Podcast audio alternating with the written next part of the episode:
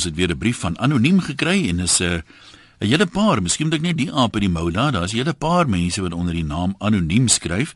So jy sal dalk agterkom dat die skryfstyl so 'n bietjie verskil en uh, die agtergrond van die ouens 'n bietjie verskil. Hierdie um, anoniem wat vandag se brief geskryf het, dink ek het nog net een of twee voorheen van hom het ons gehad.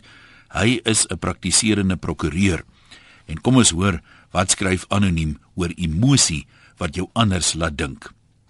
As daar een ding is waarmee ek as prokureur wat dikwels in die hof kom gereeld te doen het, dan is dit emosie. Dis natuurlik te verstaan. Elke saak het immer 'n wenner en 'n verloorder, en vir beide partye is daar genoeg op die spel om 'n aansienlike bedrag aan regskoste te spandeer. Maar as daar een ding is wat my na jare steeds verbaas, is dit hoe emosie logiese denke totaal kan verdring. 'n Jong man kan in die wreedste moord of verkrachting denkbaar skuldig bevind word, maar sy familie sal steeds onder eed getuig dat hy eintlik 'n sagge aarde seun is wat nooit 'n vlieg sal kwaad aandoen nie. Dan kan hulle glad nie verstaan hoekom hy lank tronkstraf opgelê word vir sy dade nie. Hy was net die onskuldige slagoffer van slegte vriende. Vir die werklike slagoffer se familie kan die tronkstraf weer nooit lank genoeg wees nie. Om die waarheid te sê, betreur hulle dit dikwels dat die doodstraf afgeskaf is, want dit sou hier die enigste gepaste straf gewees het en almal het dieselfde hofsaak bygewoon en na dieselfde getuienis geluister. Die enigste afleiding wat 'n mens kan maak, is dat emosie en objektiviteit nie langs mekaar kan bestaan nie. Dieselfde het net weer in die boeremag verhoor gebeur.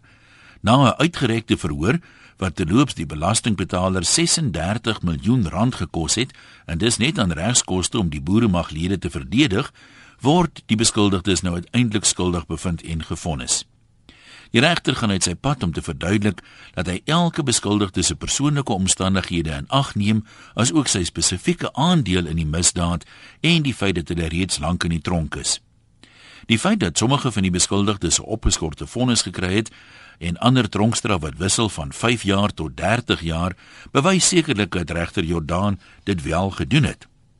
Nou mense kan heeltemal verstaan dat die familie vir ligter strawwe gehoop het, maar om te lees dat een van uh, die familielede vra hoe verduidelik jy vir 'n dogter dat haar pa in die tronk sit terwyl hy niks verkeerds gedoen het nie gaan hom seker die verstand te bowe maar blykbaar nie noodwendig as jy 'n lid van die boeremag is nie aan die ander kant sê een van die advokate wat die boeremaglede verdedig het hy het nie verwag dat talle van sy kliënte sulke ligte strawwe sou kry nie En nadat die regter verduidelik het wat hy als in ag neem word uh, by vonnislegging, is daar steeds mense wat op Facebook vra, hoe is dit dan moontlik dat ander wat hulle noem ware terroriste in die verlede ligter strawwe gekry het?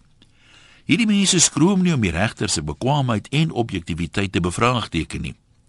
Nou wonder 'n kollega van my of die feit dat die mense se oordeel oënskynlik nog totaal onbelemmer is deur enige kennis, dan glad nie eers by hulle opkom nie.